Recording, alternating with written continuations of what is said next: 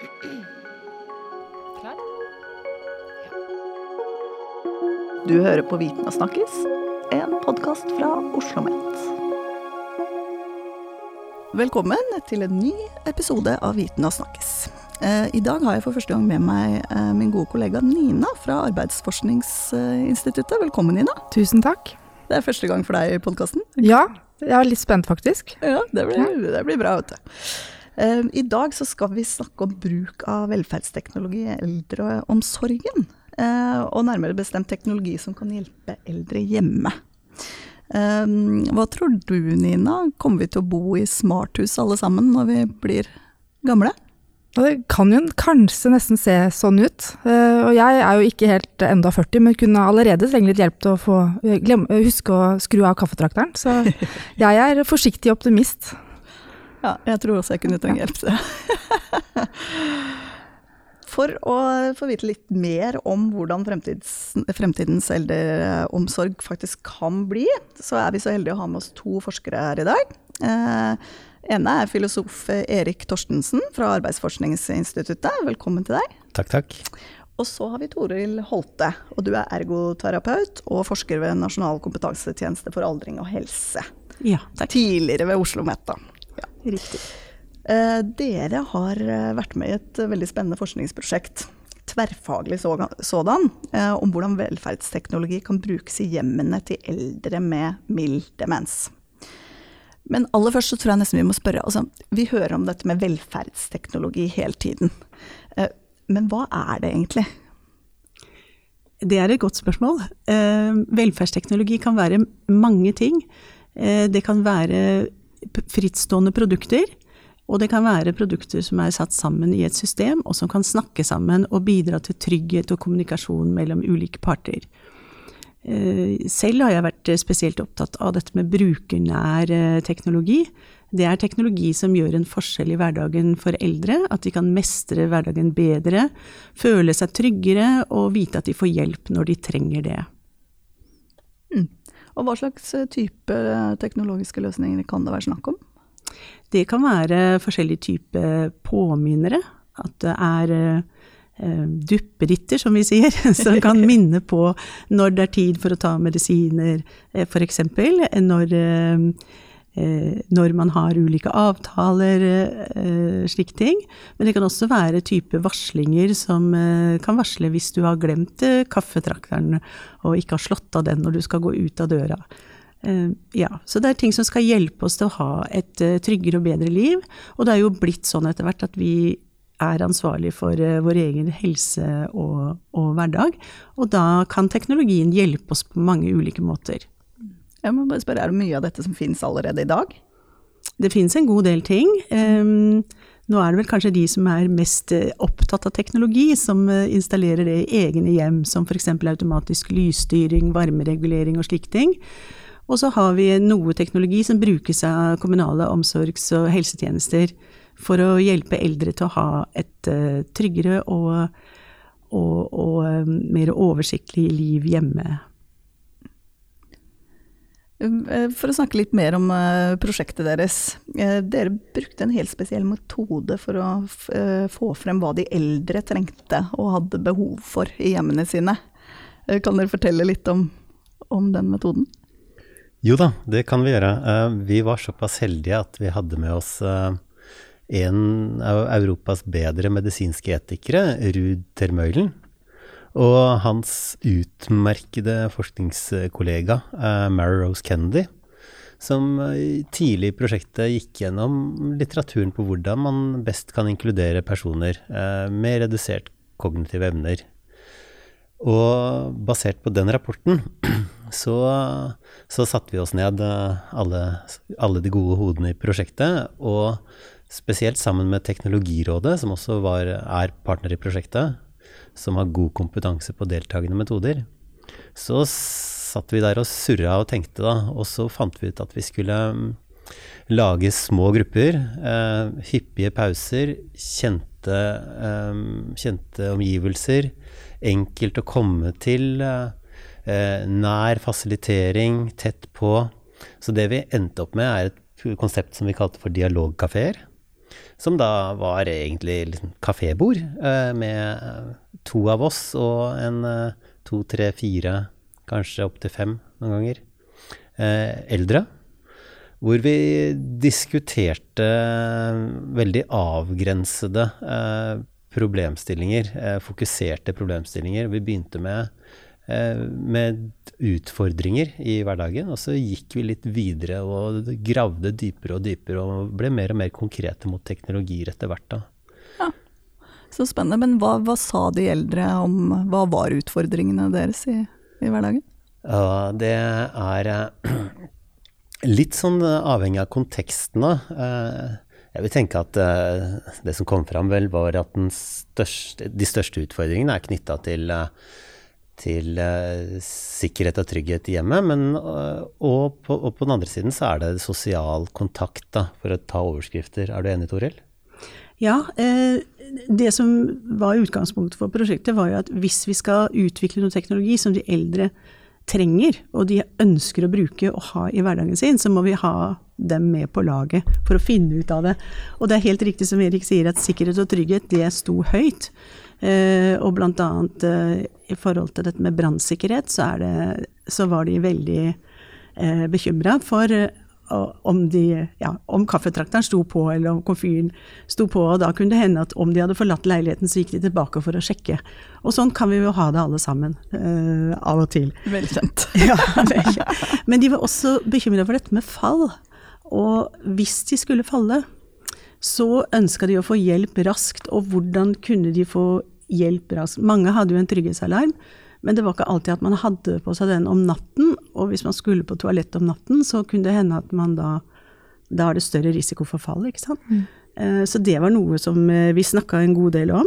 Og så var det dette her med å komme seg ut, eh, fordi eh, eh, vi gjorde jo dette prosjektet i en omsorgsbolig, og der måtte de eh, kjøpe mat eh, selv, og mange stelte seg selv med middag og sånne ting. Og da måtte de komme seg ut til butikken, eh, de måtte komme ut eh, til lege, frisør, sånne ting. Og, og hvordan du skulle komme deg rundt uten bil, med rullator og kanskje andre ganghjelpemidler. Da var det, da var det taxi som var løsningen, og det var eh, ofte lang ventetid og altfor få TT-kort, fikk vi høre. Ja. Kan jeg bare komme med en liten innskytelse? Jeg har jo intervjuet dere før, eh, og for en, som en person som er i fall relativt ung og sprek eh, fremdeles, så hvis de, når de sier at å, det er så stress at vi, er, vi er redde for at ommen står på, eller kaffetrakteren eller andre ting, og så må de tilbake og sjekke, og så ut igjen. Og så tenkte jeg da, altså, men er det noe problem da? Altså, da kan du jo bare gå tilbake, det tar jo to sekunder å sjekke den ommen. Men da dere snakket, altså, jeg skjønte jo når dere fortalte meg at dette det er jo en, en kjempeanstrengelse for mange å gå den for dem ganske lange veien tilbake gjennom gangen og inn på kjøkkenet og sjekke, og da er de kanskje slitne, og så kanskje orker de ikke å gå ut allikevel. ikke sant? Pluss at den døra er kjempetung, så hvis de allerede har kjempet seg gjennom den, og så søren står de på utsiden og skal tilbake igjen for å sjekke kaffetrakteren, da er i hvert fall på en måte energien brukt opp. da. Så da gikk de opp for meg at dette faktisk er et problem og bør løses. Mm. Og det, dette er et problem som jeg tenker kan løses med teknologi. Det absolutt er det mulig. Mm. Det var noen andre av de utfordringene der som kanskje ikke kan like lett lø løses med teknologi, eller? Nei, det er kanskje ikke så lett f.eks. det å komme seg ut i butikken og sånn, men, men det har jo vært en del snakk om selvkjørende biler, og bl.a. har Teknologirådet vært opptatt av det. Så tenkte jeg da, tenk om det hadde vært selvkjørende biler som kunne gå i loop mellom omsorgsboligen og, og nærbutikken, eh, togstasjonen, apoteket. Så kunne jo det vært en lur løsning. En selvkjørende bil hvor du fikk rullatoren inn og, og fikk plass til å sitte. Eller enda bedre, en sånn liten søt buss som driver og kjører rundt ned i Oslo nå. Ja. Ja. Og Samtidig så må vi ikke glemme at, eh, at mange av de hindrene som de snakker om, dører, jo også er teknologi. Sånn, det, det er veldig viktig å huske på at eh, bygninger er teknologi, dører, asfalt, veier. Det er teknologiske infrastrukturer. Eh, og eh, vi fikk vel litt sånn feelingen eh, at det er en del av de eksisterende teknologiske infrastrukturene som definitivt ikke er lagt til rette for gamle. Det, Det er vel helt Ja, eh, vi kunne jo se alle Ja. de fortauskanten og hullene i asfalten Ja. langs den gangveien Ja, ja. som var der, så det var jo ikke akkurat uh, Og jeg har vært i to mammapermer for ikke så altfor lenge siden, og gud som jeg savna sånne knapper til å trykke på dørene så de bare åpner seg når man kommer der med drassene med barnevogn. Eller heiser, altså T-banestasjonen i Oslo er helt håpløse. Mm. Så da tenkte jeg jo på de som er dårligere til beins, da, eller til og med sitter i rullestol, hvor vanskelig det må være å komme seg rundt. Ja. Mm. Vi har noen utfordringer, så absolutt. Men hvilke av de utfordringene de nevnte tenker dere er enklest å løse med teknologi, da? Eh, Det kan jo kanskje være ulikt, men eh, hvis jeg får lov å gå tilbake til prosjektet vårt, da, Assisted Living, så, så hadde jo vi med de eldre på råd for å finne ut av hva var det de opplevde som utfordringer, hva var det de hadde behov for for å ha en eh, enklere hverdag og en tryggere hverdag. Eh, kanskje en mer meningsfylt eh, hverdag, hvor de fikk delta i aktiviteter og, og oppleve ting. Og da var det disse dialogkafeene som Erik snakket om, som ble en øyeåpner for oss. For da kunne vi se ting fra deres ståsted. Og noe av det de var opptatt av, var, var å være i kontroll. At de skulle ha kontroll med hverdagen sin. Sånn at eh, teknologi som bare gjorde ting for dem, det, det kunne være Da sa de at da kan det jo hende at vi blir sløve. Hvis teknologien ordner alt for oss, så blir vi jo sløve. Vi trenger jo å engasjere oss litt og holde hjernen i gang. Sånn at eh, det å kunne ha et type trygghetssystem da, som, med kanskje sensor på kaffetrakter og komfyr og, og eh, verandadør eller utgangsdør, som var kobla til en, eh, en trygghetsknapp. Så når du trykka på knappen, så kunne du få en beskjed før du gikk ut om kaffetrakteren sto på, eller om den var slått av, og at det var trygt å gå ut. Det var ting som de følte var, var viktig for seg, for da kunne de eh, mestre hverdagen sin. Ja, så de ville aktivt selv trykke på den knappen, de ville ikke bare ha en stemme som kom av seg selv? De ville trykke på den, og så få en, eh, en forsikring Mm. om at alt var i orden i leiligheten, eller om noe fortsatt sto på som de måtte slå av før de gikk. Og da ville de føle at det, da var de i, i kontroll. Og det, det tror jeg er viktig for oss, at vi, vi ønsker jo å klare oss selv og, og mestre hverdagen. Og unngå å bli sløv og Så jeg tror det var eh, Ja, det var i hvert fall lærerikt for oss å samarbeide med de eldre om dette her. Jeg tror det er som Toril sier, at det er nettopp interaksjonen mellom bruker og dings eh, som er eh, Og når vi snakker om eh, eldre, snakker vi om en kjempestor gruppe. Og snakker vi om folk, personer med ulik grad av demens, så snakker vi også om veldig mange individer. Forskjellige skjebner, forskjellige historier, forskjellige bakgrunner, forskjellige ønsker. Forskjellige verdier, forskjellige preferanser, også bortetter. Så det er nettopp da å prøve å finne den lille matchen som gjør at det blir meningsfullt for, for at den enkelte kan hva skal jeg si, handle i verden sånn som de liker å handle. Og selvfølgelig liksom slippe en del av de kjipe ergrelsene som, som er sånn der, ja, vinduer og ja, dører og som ikke ja, ja, Som ikke var så innmari viktig for dem at, at uh, Hva skal jeg si At de, akkurat de lukka. Sånn, mm. bare at det var på stell. Hva var det dere konkret, eh, Hvilke løsninger var dere konkret testa i prosjektet? Det vi skulle teste, var denne trygghetsknappen. Ja. Um, uh, så eh, så det, det jobba vi hardt med å få til, eh, men dessverre så måtte vi faktisk innrømme at vi ikke klarte å få teknologien til å fungere sånn som vi ville. Så vi fikk dessverre ikke dette systemet opp å gå, fordi sensorene kunne gi tilbakemelding, men vi klarte ikke å, å koble til en høyttalerstemme som skulle si om det var greit å gå ut, eller om eh, noen sensorer sto på. Det er mange komponenter som skal snakke sammen, og sånn som vi fikk forklart det av eh, ingeniørene, så var det at eh, noen komponenter snakket engelsk, og noen snakket gresk eller kinesisk, og da, da går det ikke an å få det til å funke Da sammen. forstår de ikke, Så- ikke hverandre, nei. Nei, så vi, vi opplevde jo at teknologien var umoden. Og, og vi var jo veldig skuffa alle sammen over at vi ikke fikk dette til.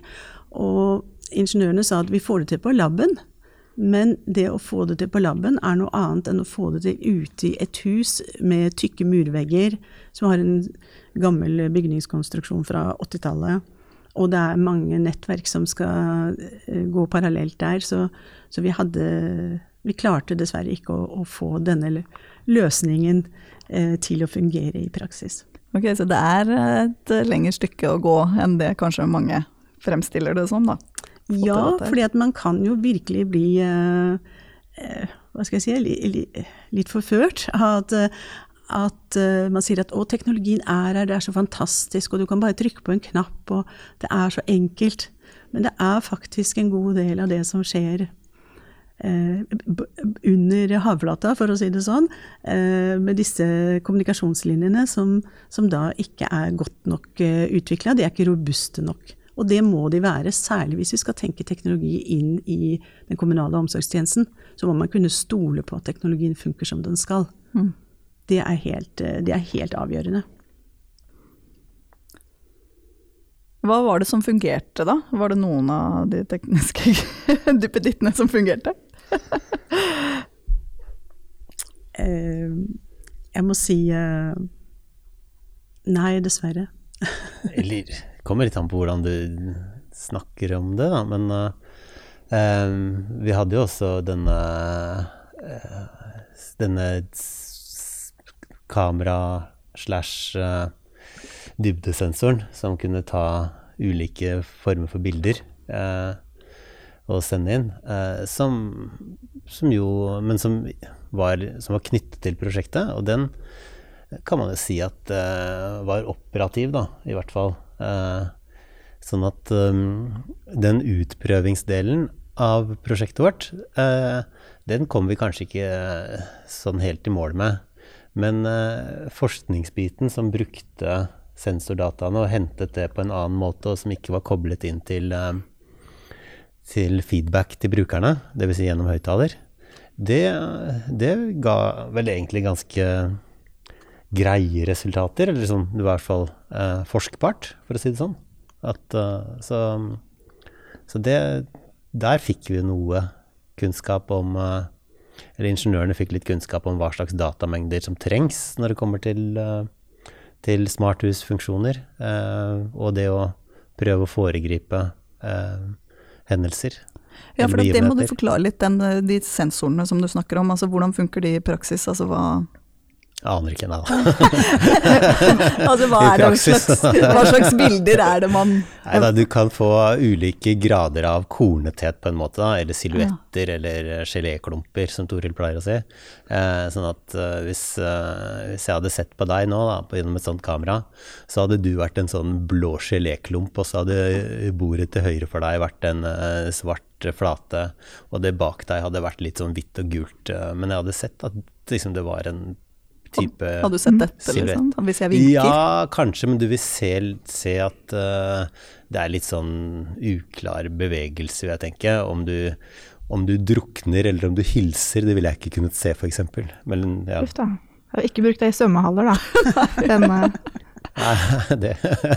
Men er det for å kunne se om eldre har falt og den type ting? Korrekt. Ja. Riktig, riktig. Mm. Sånn, for å se om eldre har falt. Og det, det brukes også mye i det vi kaller eh, eh, fjerntilsyn, på godt eh, norsk. Det vil si at man kan eh, ha et kam sånt kamera, dybdesensor, i et rom, og så kan man eh, se etter om personer eh, ligger i sengen sin og sover, eller om de er andre steder i rommet, eller om de ikke er der. ikke sant? Og typisk hvis de ikke er der, så, så er det grunn til alarm. Men så, sånn i stedet for eh, nattvakter som kommer på besøk for å se etter om alt er i orden, så brukes det en del da, i flere kommuner. Men hva, tenker dere, hva tror dere må til for at man skal kunne bruke denne type teknologi i hjemmet eh, for å gi eldre et bedre hverdagsliv? For det første så må den bli mye bedre. Det er jo helt åpenbart. Ja. At uh, det vi snakker om her, er uh, det å se forskjellen på om et menneske sitter i en stol, eller om det går. Eh, det klarer jo sånne teknologier.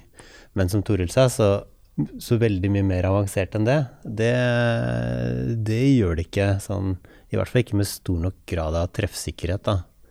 Um, sånn at uh, der må det nok uh, både utvikling av sensorer og ganske mye grunnforskning til på, på området for å kunne bruke kamerateknologi til den slags, ja. Det, det, er, det er vanskelig. Men så tenker jeg at jeg er veldig enig med Erik at teknologien må bli bedre. Den må bli mer robust, og så må vi ha en helt Eh, hva skal vi si, grundig og, og, sikker infrastruktur som disse signalene skal kjøre på. Altså, det betyr hvordan, hvordan, disse komponentene snakker sammen. Det må funke, det må være linjer som funker, som ikke det blir brudd på fordi at eh, nettverket faller ut eller et eller annet. Og, og så er det dette med oppdateringer, at mange av disse elektroniske systemene de skal ha oppdateringer og oppgraderinger ganske ofte. Og det må jo ofte mange ha hjelp til å gjøre hvis du skal iverksette det manuelt og si at ja, jeg vil oppdatere. ikke sant? Så må man skjønne at det må man gjøre, for ellers så kanskje ikke teknologien virker så godt lenger. Kanskje vanskeligere det nesten enn å bruke ja. teknologien? Da. Ja, ikke sant. Så, enten, så, så, da må man kanskje finne noen løsninger som gjør at det, dette her blir enkelt å gjøre for alle. Eh, kanskje det skal automatiseres, jeg vet ikke. Men man må jo tenke på at dette her skal være systemer som på en måte kan fungere som en støtte for folk, og ikke være en barriere i hverdagen. For hvis det er en barriere, så, så skaper jo bare mer trøbbel. Og så blir vi usikre på, på og, dette her, og kanskje lei og, og, og, da ikke får det utbyttet av teknologien eh, sånn som vi hadde eh, tenkt, da. Og så er det en nesten uløselig dimensjon her, da, og det er uh, forholdet mellom falske eh, alarmer eh, og, eh, og, utrygghet. Da, sånn, på den ene side så vil vi være eh, sikre. Veldig mange vil heller at eh, alarmen skal gå hvis den er i tvil. Eh, men så kommer det til en grense. da, Når er det den alarmen har gått liksom for mange ganger? Dette er litt sånn ulv-ulv-problematikk, men det er også enda verre enn det, fordi det er jo intervensjoner i folks hjem det er snakk om. Sånn at hvis du får eh, får nok eh, sånne plageåndealarmer eh, inn i heimen din, så, så, vil du nok kanskje mm, bli litt lei av hele saken og kanskje bare dra, dra ut pluggen, mm. kan, kan, jeg tenke meg, snarere enn å uh, ja, få liksom den 13. besøket av uh, noen du ikke helt vet hvem er. Mm. mm. Så det er et problem der, da. Ja, og da tenker jeg det med oppfølging av teknologien også. Når man først har Eh, installert teknologi hjemme hos eldre, så er det noen, hvis det skjer fra kommunehelsetjenestens side, så er det noen som må følge opp og passe på at dette funker sånn som det skal. Fordi hvis ikke det gjør det, så, så blir det jo en belastning. Og jeg har ett eksempel fra et annet prosjekt vi var med, hvor de fikk en enkel komfyrvakt på komfyren. Og der var det sånn at uh, når potetene var ferdig kokt, og de tok kjelen fra plata, så ble det så varmt oppi denne komfyrsensoren at den begynte å pipe. Og da eh, satt de og spiste middag mens, eh, mens, denne alarmen pep hele måltidet. Og da sa de at ja, men vi må jo ha den, for det er jo sikkerhet for brann, så vi må jo ha den. Og da tenker jeg at det, sånn kan vi jo ikke Vi kan jo ikke tilby teknologi som funker så dårlig. Nei, nei, nei. De hadde riktignok lært seg et lite knep, da, så når de tok av potetene, så satt de en kjele med kaldt vann oppå kokeplata for å få sensoren til å holde stille. Så tilpasser seg! Ja, det tilpasser seg. Men, men, og det sier noe om at kreativitet, og det sier noe om at teknologien er ikke oppe og går sånn som vi ønsker, altså. Men hvis teknologien, altså når eventuelt da teknologien kommer opp og står, altså tror dere man kan spare ressurser på, på å ta i bruk slik teknologi hjemme? Jeg tror det er noen potensialer der. Absolutt.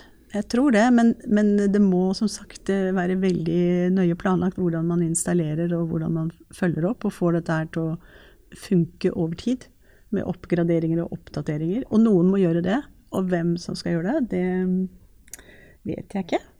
Så kommer det an på hva du mener med ressurser, da, eller hva vi mener med ressurser. Um, penger? Neppe. Uh, ja, hvorfor ikke? Eh, nei, det kan jo være mange grunner til, da. Men uh, det er Eller to, to Ja.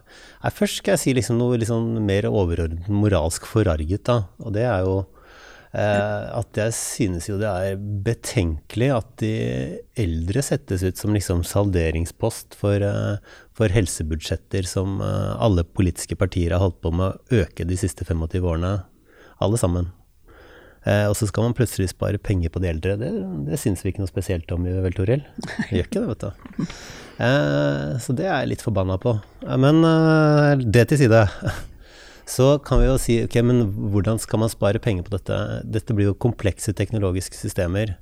Eh, lite data tyder på at eh, komplekse teknologiske systemer er spesielt mye billigere enn eh, en manuelt arbeid. Da. Og hvis man leser eh, Finansdepartementets perspektivmelding fra 2017 og Finansdepartementets perspektivmelding er ikke liksom tullball, det er eh, det er det jeg vil kalle hardcore, ja. De eh, trekker i tvil innsparingspotensialet ved, ved hjemmeteknologier, velferdsteknologier i tjenestene. De mener at eh, bevisene ikke finnes da.